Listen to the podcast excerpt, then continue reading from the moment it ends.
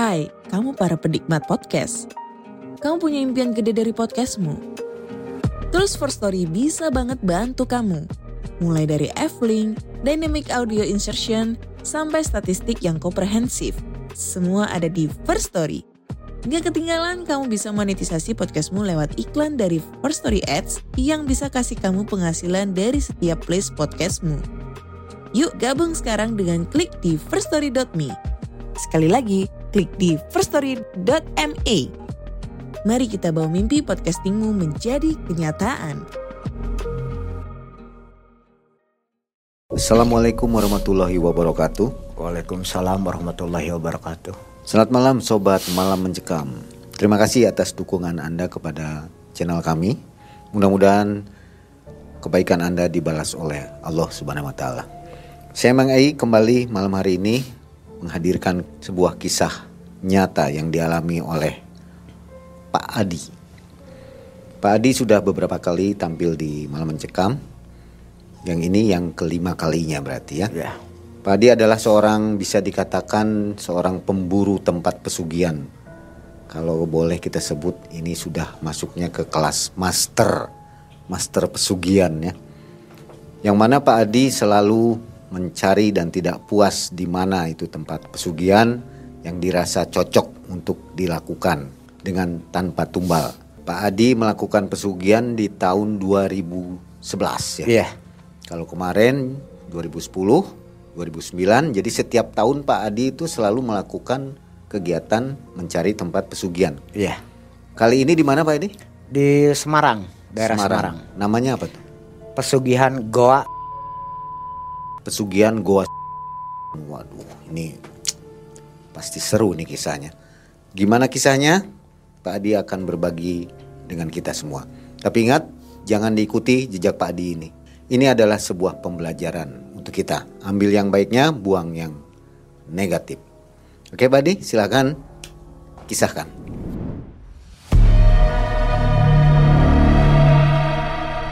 Eh, setelah kepulangan dari beberapa ritual saya gagal kembali ya Mang tetapi dalam hati saya tetap berniat ya ingin mencari bentuk-bentuk pesugihan yang lainnya. Dikarenakan pertama saya masih penasaran ya ingin mencari apa yang saya cita-citakan. Ketika suatu waktu dalam proses pengerjaan saya saya kerja seperti biasa, nah di situ ada rasa bahwa proses ini saya selama kerja itu tidak membuahkan hasil yang maksimal. Cuman tetap aja hasilnya dengan gaji yang minim hanya cukup untuk makan dan menyicil sedikit utang-utang ke teman saya yang bekas-bekas saya pinjam turun-turun ke dunia pesugihan. Akhirnya saya jarah ke salah satu kota di Ciwidey. Ya sama di keramat tempat ziarah gitu ya Jalur Putih kan kadang kita ngumpul banyak orang ya dari berbagai daerah dan berbagai kota kumpul di situ. Akhirnya kita ngobrol-ngobrol, sharing, bertukar pikiran. Tiba-tiba ada salah satu orang, Pak, saya lihat nih Bapak pengalamannya lumayan juga nih dunia pesugihan.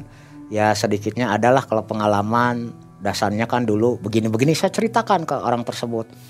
Tapi Bapak sudah pernah mencoba nggak pesugihan? Hah? Pesugihan?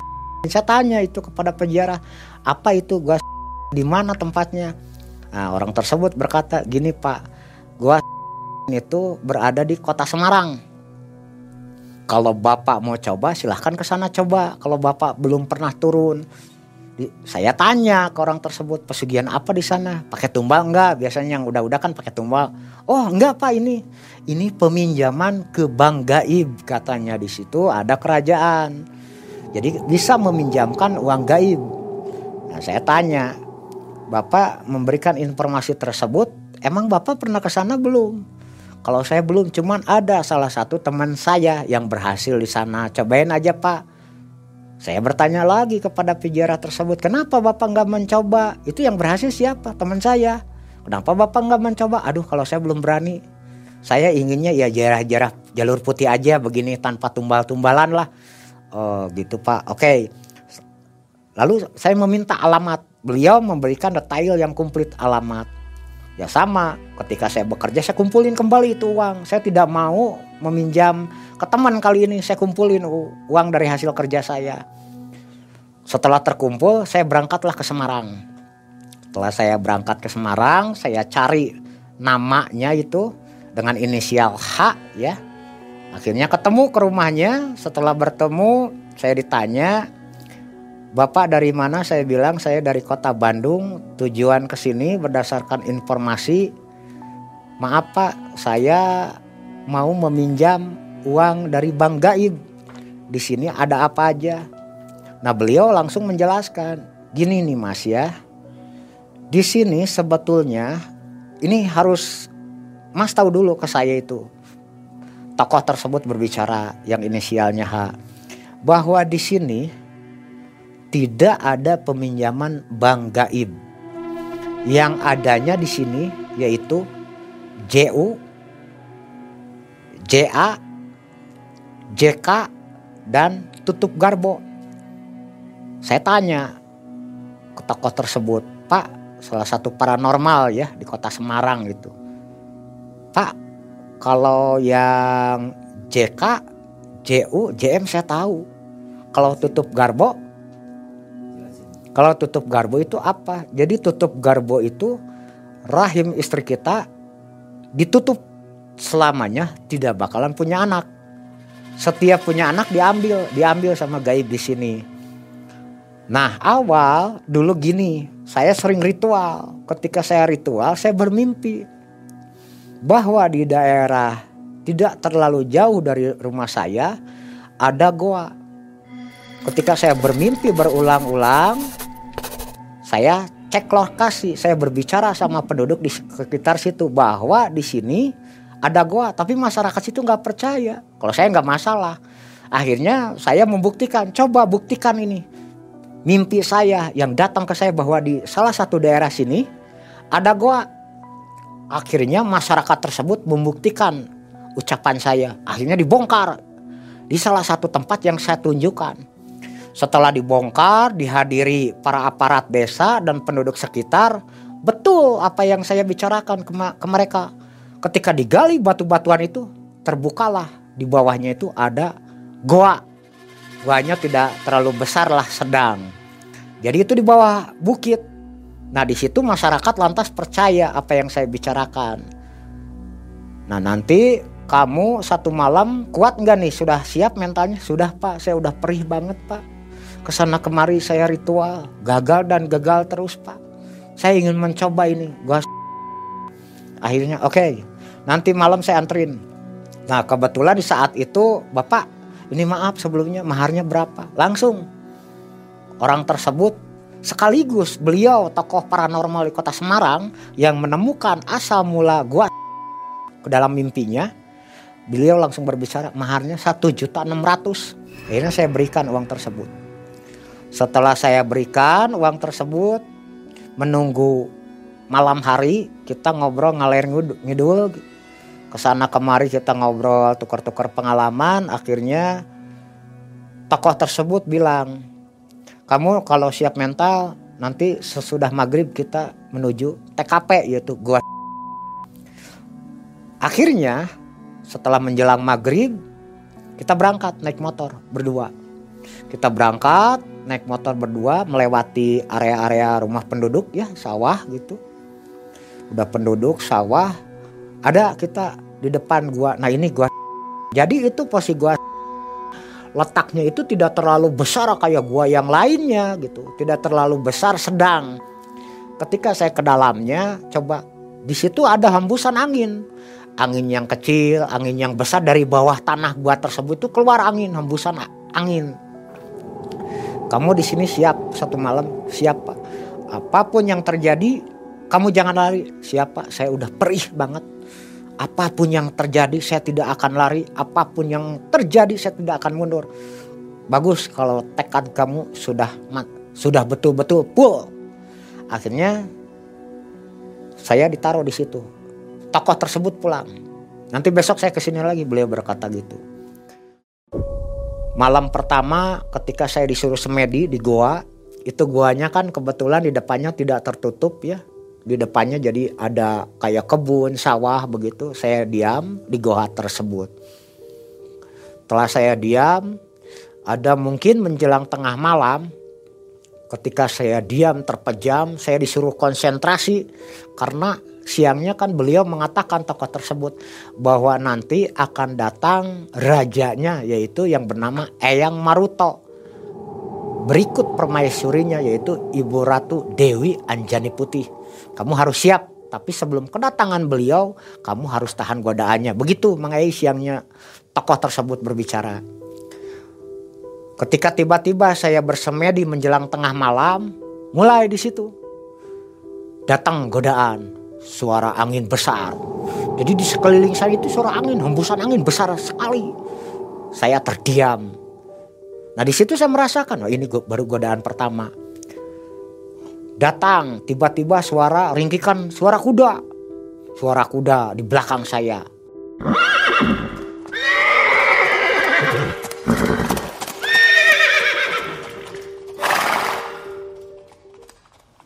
Saya lihat ke belakang karena gelapnya tidak ada apa-apa. Larak lirik tiba-tiba sama keadaan tempat itu bergetar. Ketika keadaan tempat yang saya duduk itu bergetar, saya melihat ke arah pojok ada sosok tinggi besar. Sosok tinggi besar tapi saya tidak terlalu jelas melihatnya. Karena saking gelapnya di dalam gua tersebut. Setelah sosok tinggi besar tersebut lama-lama mewujud membentuk satu sosok. Saya akhirnya terpejam mata karena tidak kuat mengitu. Dan di arah kanan ada sosok putih. Ya kalau orang kita bilangnya pacong gitu ya. Sosok putih di sebelah depan saya di arah kanan itu dia cuma mematung begini, berdiri, tidak berbicara, tapi sepintas ada kelebatan cahaya begitu buruk wajahnya dengan darah yang di mukanya, aduh, hancur itu. Kenapa di waktu malam walaupun gelap saya bisa melihat sosok tersebut dikarenakan ketika melihat sosok pocong tersebut ada tiba-tiba cahaya yang datang sebentar kelihatan jelas. Di situ saya kaget. Hampir saya mengucap kalimat Allah saking kagetnya mengait tapi saya tahan ingat gitu. Godaan malam pertama begitu menjelang tengah malam. Sosok genderowo. Pocong belum kakek-kakek yang datang itu membawa tongkat. Dia tidak berbicara, cuman memandang tajam ke saya. Dikarenakan apa Mang waktu posisi itu kok di kegelapan malam saya bisa melihat karena ketika kehadiran sosok tersebut tiba-tiba selalu ada cahaya yang memberi arah terang. Ruangan posisi saya tempat tapa tirakat itu terang sebentar. Makanya saya bisa melihat dan di waktu itu juga saya terpejam karena saya saking takut saya melihat kehadiran sosok-sosok penampakan tersebut. Lama-lama hilang. Itu yang sosok genderowo, pocong yang kakek-kakek bawa tongkat dengan jubah putihnya itu hilang. Tidak berselang lama ada suara cekikikan, suara perempuan disertai dengan menangis. Dan di arah pojok kanan saya tiba-tiba ada sekelebat cahaya putih kembali. Ada nenek-nenek. Jadi bongkok nenek-neneknya membawa tongkat. Dengan rambut panjang yang putih. Cuman dia jalan dengan tongkatnya. Ketika jalan mendekat ke saya, saya karena di situ takut, saya terpejam mata. Setelah terpejam mata saya buka kembali. Nenek-nenek tersebut masih ada. Dia cuman menatap. Menatap tajam tapi tidak berbicara. Setelah nenek-nenek nenek-nenek tersebut menatap tajam kepada saya ada kurang lebih mungkin sekitar 10 menitan. Karena saya tidak kuat kembali, saya terpejam kembali mata Pas saya buka kembali hilang nenek-nenek tersebut sosoknya. Setelah hilang tidak ada godaan lagi itu. Besoknya datanglah tokoh tersebut menjemput saya memakai motor. Ayo kita pulang kembali ke rumah. Akhirnya saya pulang kembali ke rumah tokoh tersebut. Lalu beliau bertanya apa saja yang terjadi malam itu. Saya ceritakan begini, begini, begini, begini. Oh bagus. Tandanya kamu sudah ada terhubung sudah masuk kamu itu. Kalau kita mah absensi sudah masuk kamu kata beliau. Tapi kamu nanti setelah pulang dari sini lakukan di kamar khusus proses nayuh. Apa pak? Nayuh saya nggak ngerti.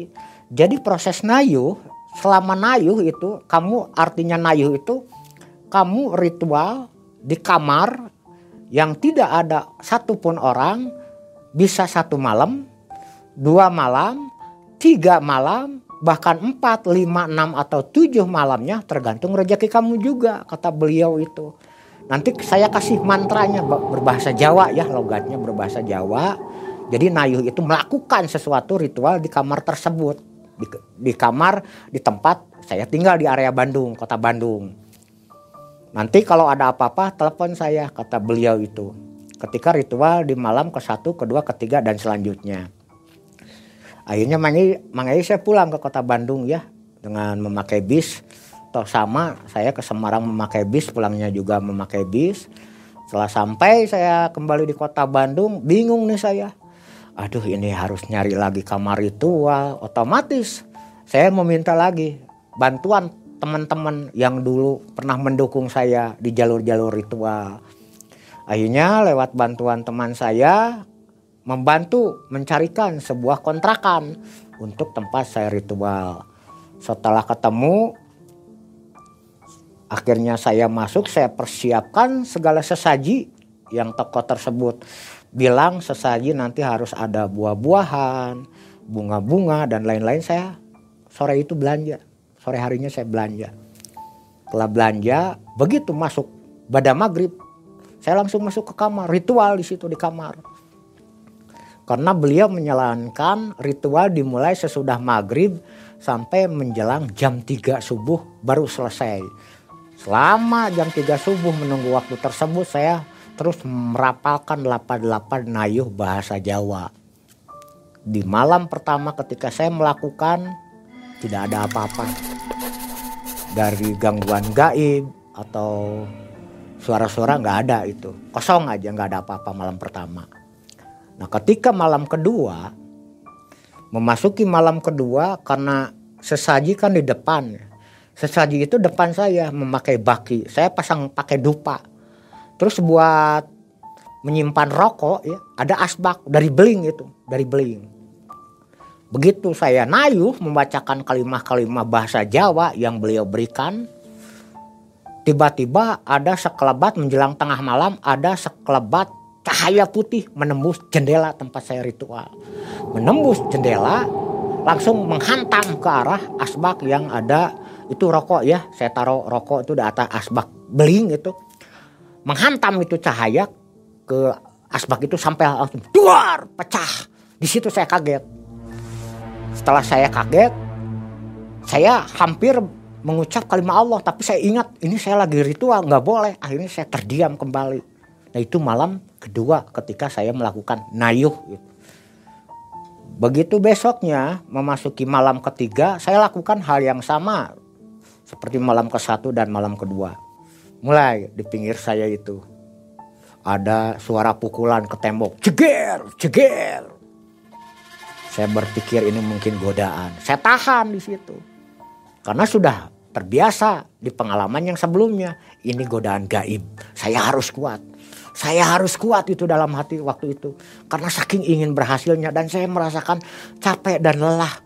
Turun terus menerus dunia PS tidak ada yang berhasil. Akhirnya saya kuatkan diri di situ untuk menahan godaan. Mulai di situ ada sosok tangan yang mengelus rambut saya. Saya mata terpejam karena di situ tidak ada siapa-siapa dan saya tahu ini pasti gangguan gaib rambut saya diusap. Setelah itu ada yang mengetuk pintu, mengetuk pintu, krek krek suara pintu itu. Ini nggak mungkin orang dari luar, karena apa? Di situ sepi keadaan tengah malam. Tapi saya memberanikan diri itu. Waktu yang mengetuk pintu, yang saya kira memberanikan diri membuka pintu itu, ya mudah-mudahan itu ya raja gaibnya datang gitu. Saya membuka etalase, jendela itu dibuka saya lirik nggak ada siapa-siapa karena saya buka tidak ada siapa-siapa saya tutup kembali wah ini mungkin godaan akhirnya saya tetap menamatkan ritual di malam ketiga di kamar tersebut begitu ke malam keempat saya lakukan hal yang sama. Ketika malam keempat saya lakukan hal yang sama ritual sama gaibnya godaan-godaan seperti kemarin-kemarin malam yang ketiga.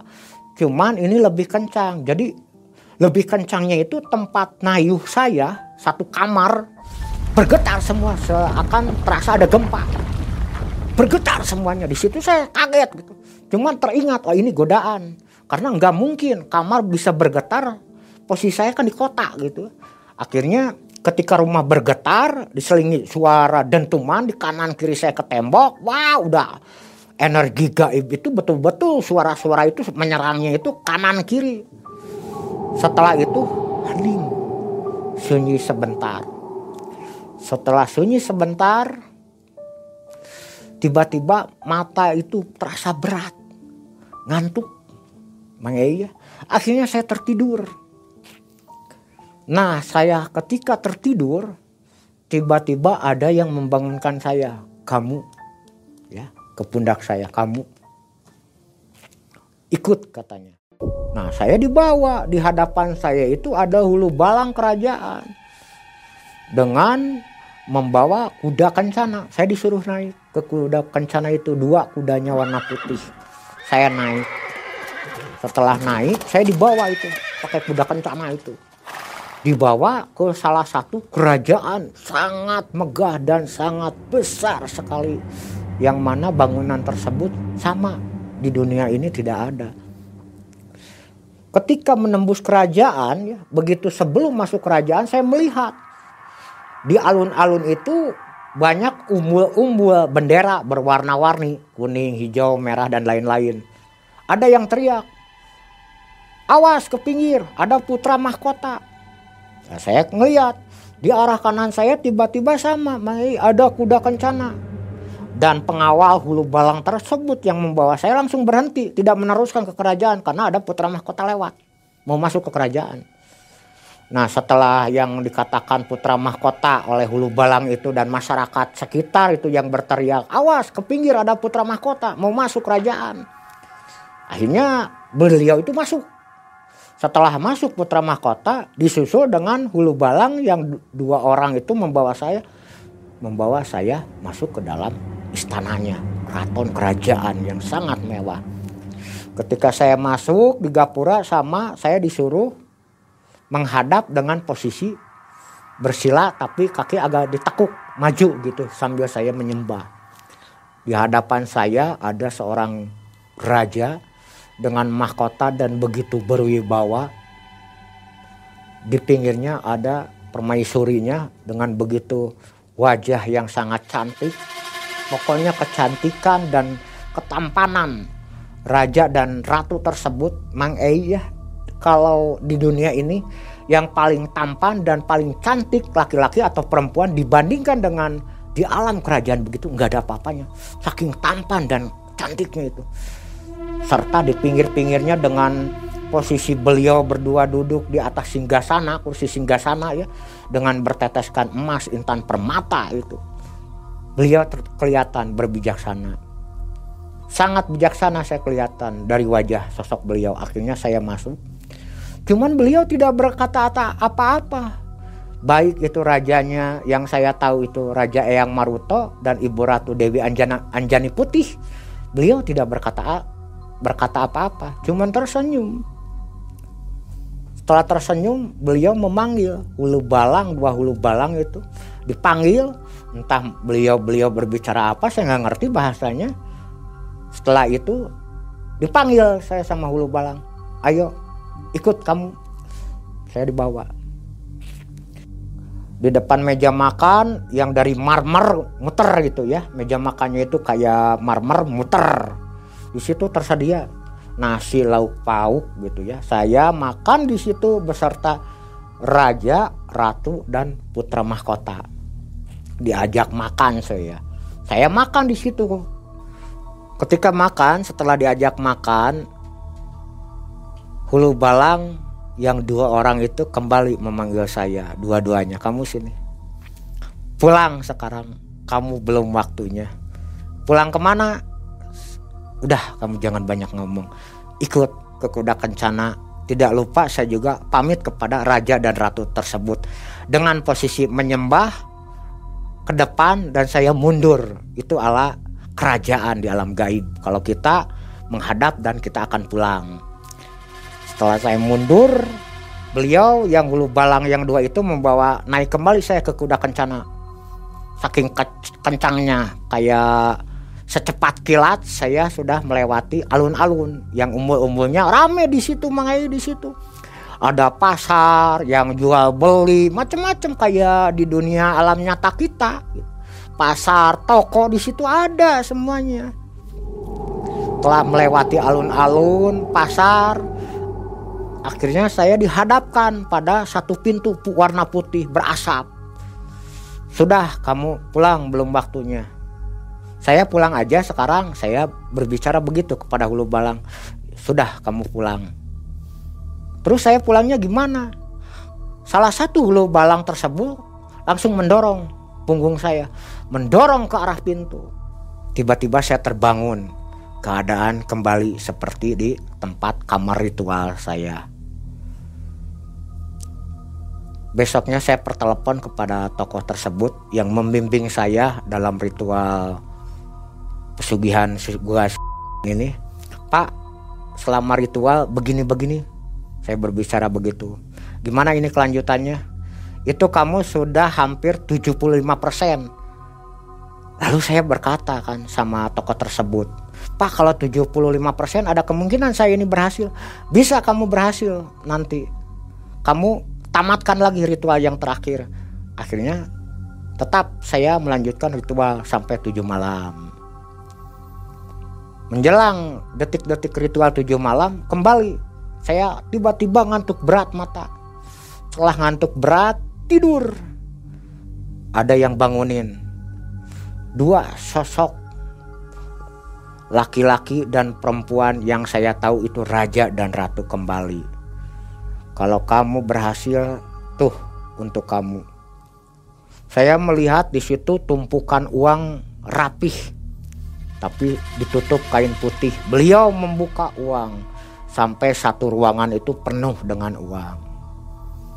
Kalau kamu sampai berhasil ritual dan kamu mau nanti apa yang saya minta ini buat kamu. Saya tanya raja tersebut, paduka raja meminta apa dari saya? Nanti tunggu waktunya. Lalu terbangun kembali saya di dalam tidur. Besoknya tiba-tiba ada telepon mengai dari istri saya mengajak ketemuan di stasiun. Ada apa kamu kok berbicara di telepon kayak yang serius dan agak emosi ke saya. Udah kamu jangan banyak ngomong. Sini. Lalu istri saya bertanya, "Ah, maaf ini sebelumnya. Seumur hidup saya belum pernah bermimpi kedatangan dari bangsa-bangsa gaib." Saya tanya sama istri, "Emang ada apa?" Malam kemarin ketika saya mau tidur tiba-tiba gelisah ruangan di kamar tiba-tiba berubah jadi panas. Saya tidak bisa tidur. Tiba-tiba lama-lama saya ngantuk berat. Terus datang. Ada memakai kuda kencana. Ada sosok raja dan sosok ratu dengan pakaian kerajaan dan kuda kencana membawa dua karung uang. Ah. Istri saya begitu. Terus saya tanya, terus saya diliatin, ini kamu mau ini uang? Wah iya saya mau kata istri saya. Tapi ada syaratnya. Saya minta itu. Istri saya melirik ke arah yang raja tunjukkan. Ada anak saya yang kecil yang lagi tertidur. Kalau kamu memberikan anak kamu, saya berikan ini uang. Istri saya menjawab, saya kan enggak minta beginian. Dan kenapa kok paduka meminta anak saya? Beliau berkata raja tersebut, ini suami kamu datang kepada saya akan meminta bantuan berbentuk uang. Saya akan berikan uang. Tapi saya meminta anak kamu. Jelas Mang Ei, istri saya itu menolak. Tidak mau. Terus istri saya bilang sama saya, "Ah, coba jujur. Ritual jarah apa sih yang A ikuti? Kok jadi mau bawa apa A tega? Mau jual anak kita demi dua karung uang?" Sambil menangis di situ istri saya Mai. Saya ceritakan di situ sama istri saya, mah maaf, bukan dalam arti so, mana tega seorang ayah menjual anaknya.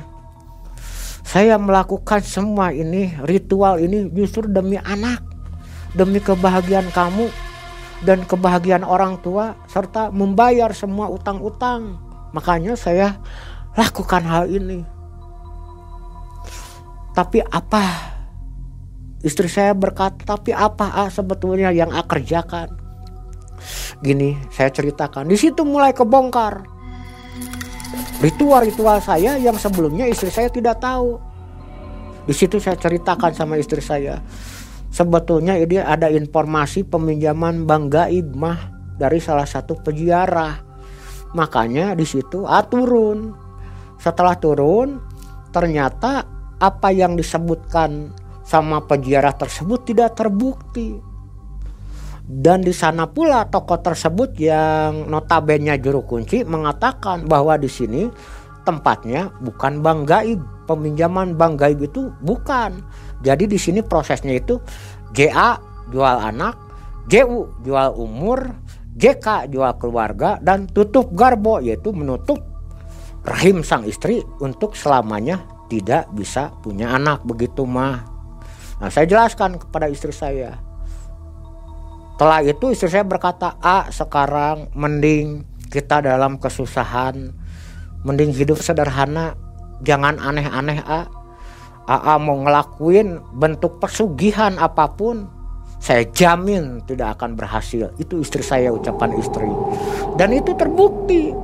Apa yang istri saya katakan, Mai, saya tidak akan berhasil itu benar ternyata pesugihan gua yang saya tekuni dengan ritual-ritual di kamar khusus ya dengan nayuh yang tujuh hari tujuh malam itu tidak berhasilnya karena posisi anak kembali yang diminta. Saya pertelepon besoknya sama toko tersebut yang notabene juru kunci. Pak, ini gini-gini kok malah raja dan ratu datang ke istri saya yang mana istri saya awalnya tidak tahu jadi tahu pak bahwa saya melakukan ritual pesugihan ini. Terus apa yang diminta? Kata beliau itu bertanya sama saya apa yang paduka raja minta dan ratu tersebut minta? Anak saya pak. Nah kembali lagi sama kamu. Mau tidak kamu memberikan anak?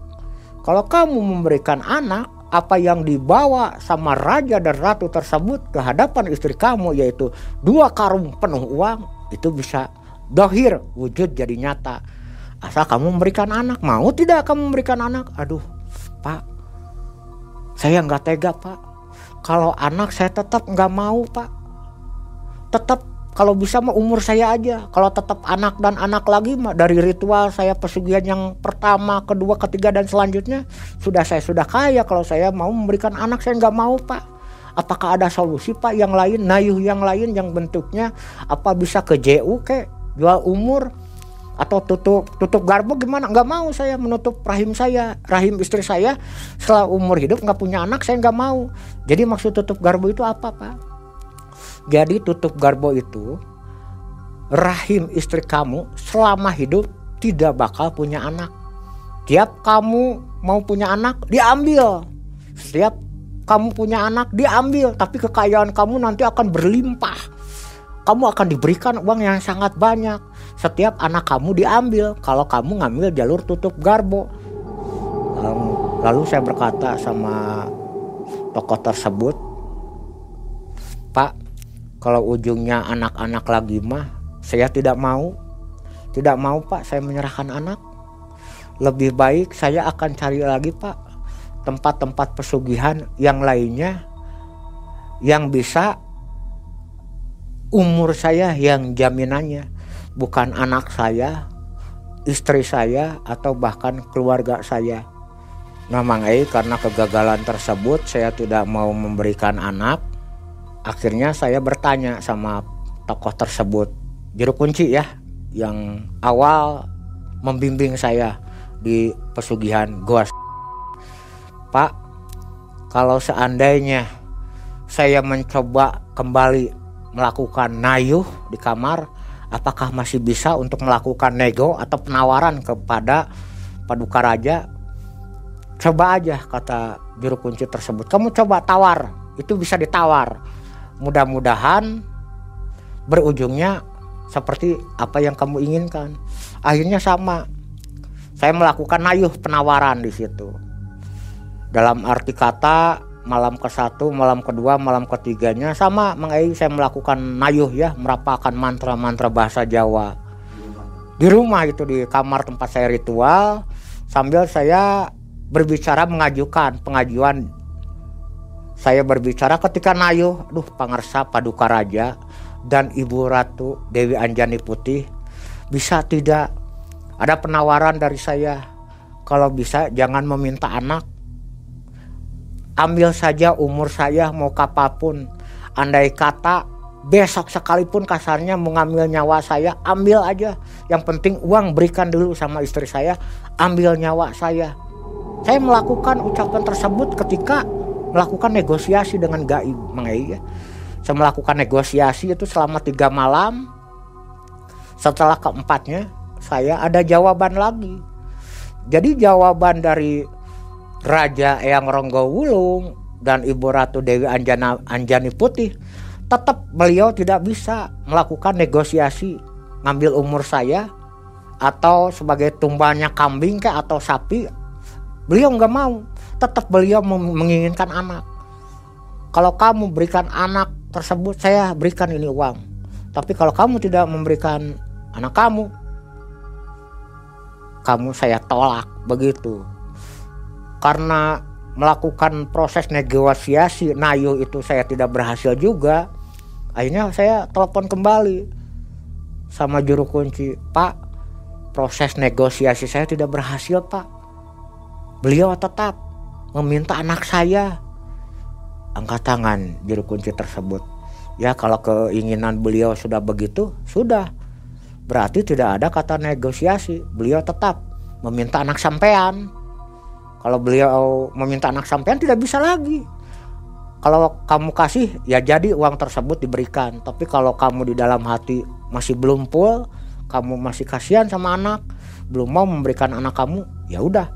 Berarti saya nyatakan ritual pesugihan ini di gua susu angin kamu batal dan mahar serta sesaji yang kamu berikan uangnya kepada saya tidak bisa saya kembalikan karena sudah dibelanjakan untuk alat-alat ritual. Jadi ditutupnya dengan ucapan juru kunci tersebut bahwa ritual saya di Goa Susu Angin dinyatakan gagal kembali mengai. Setelah ketahuan oleh istri, masih tetap melakukan. Saya masih tetap melakukan. Kekeh gitu. Iya, karena masih penasaran Mang ya, karena penasarannya apa?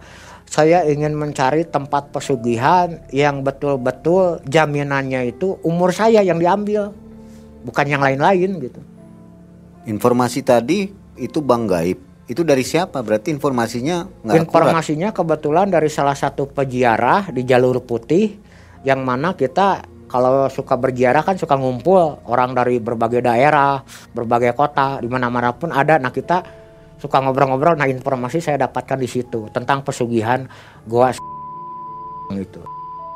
Memang sebelumnya orang-orang yang ke sana ada bang gaibnya katanya.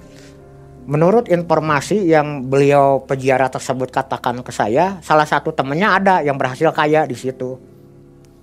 Tapi tanpa langsung tumbal. kontak ya. Tanpa tumbal. Katanya menumbalkan gitu. Tetap. Iya, tetap menumbalkan.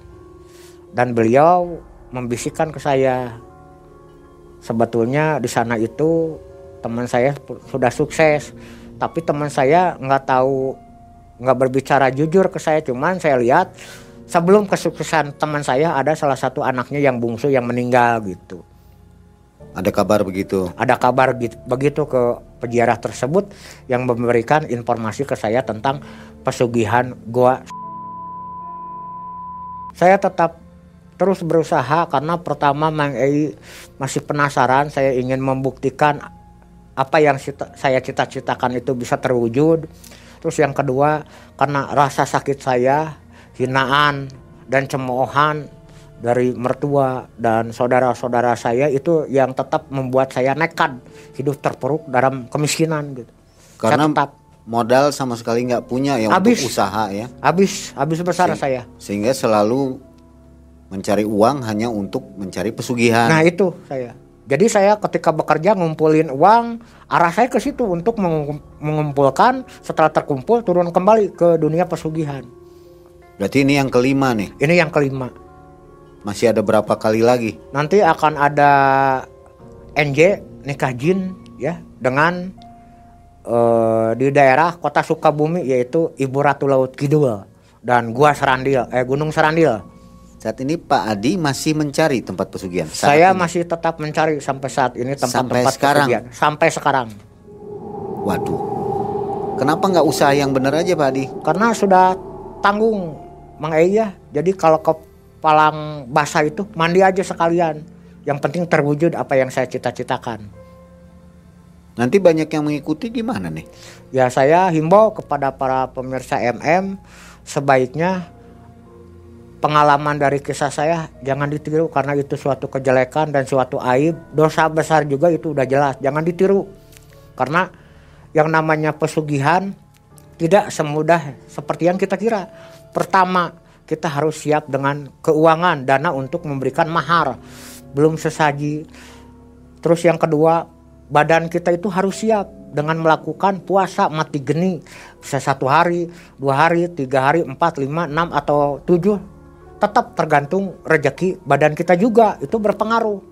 Terus ketiga, kita tetap mental harus siap. Karena apa? Sebelum kita memasuki alam kerajaan gaibnya, atau sebelum yang asli sosok gaibnya datang, kita akan digoda dengan penampakan-penampakan sosok yang sangat wajahnya menakutkan dan sangat seram sekali. Harus siap mental gitu ya. Harus siap mental. Kalau kita lari ya sama gagal. Nah itu Pak Adi udah tahu kalau Udah tahu saya. sulit seperti itu kenapa masih kekeh saja? Karena saya ingin tetap masih penasaran Mang Eya. Ingin tetap penasaran itu mencari tempat pesugihan yang suatu saat bisa umur saya yang jaminannya. Jadi saya terus berburu masalah JU. Udah siap umurnya diambil oleh Udah siap. siluman. Udah siap saya bahkan dalam negosiasi saya dengan bangsa gaib kalau uang tersebut diberikan jangankan waktu berbulan-bulan atau bertahun-tahun seandainya besok juga mau diambil nyawa saya ambil asal uang diberikan untuk istri saya dan kedua orang tua saya serta melunasi semua utang-utang saya saya sudah siap Pesan saya sih hanya sedikit ya mudah-mudahan Pak Adi bisa kembali ke jalan Allah dengan mencoba terus beribadah dan berusaha tidak mencari pesugihan yang lain. Itu mungkin Pak ya. Itu hanya saran dari saya. Dan Pak Adi juga berusaha untuk meninggalkan mungkin ya. dan saya suatu saat akan berusaha meninggalkan dunia PS ini Meng Jadi sekarang ini dianggap penelusuran. penelusuran karena Penasaran. tetap saya masih penasaran Ya. ingin mencari tempat yang betul tidak ada proses yang katanya ini bisa jual umur gitu tanpa tumbal tanpa tumbal tumbalnya ada tapi umur gitu umur saya diri sendiri. diri sendiri Oke, sobat MM, itu pesan dari Pak Adi. Kalau saran saya sih jangan coba-coba untuk mengikuti. Ini hanya tekad bulat dari Pak Adi saja ya. Mudah-mudahan saran dari saya juga diterima, tetap di jalan Allah. Pak Adi mungkin gitu Pak Adi ya. iya Nah, untuk sobat yang belum menyaksikan video Pak Adi, silahkan videonya ada di atas ini. Pak Adi akan melanjutkan kisahnya di video yang akan datang, masih tentang pesugihan. Semoga kisah ini menjadi pembelajaran yang baik untuk kita. Jangan ambil yang buruknya, harus dibuang.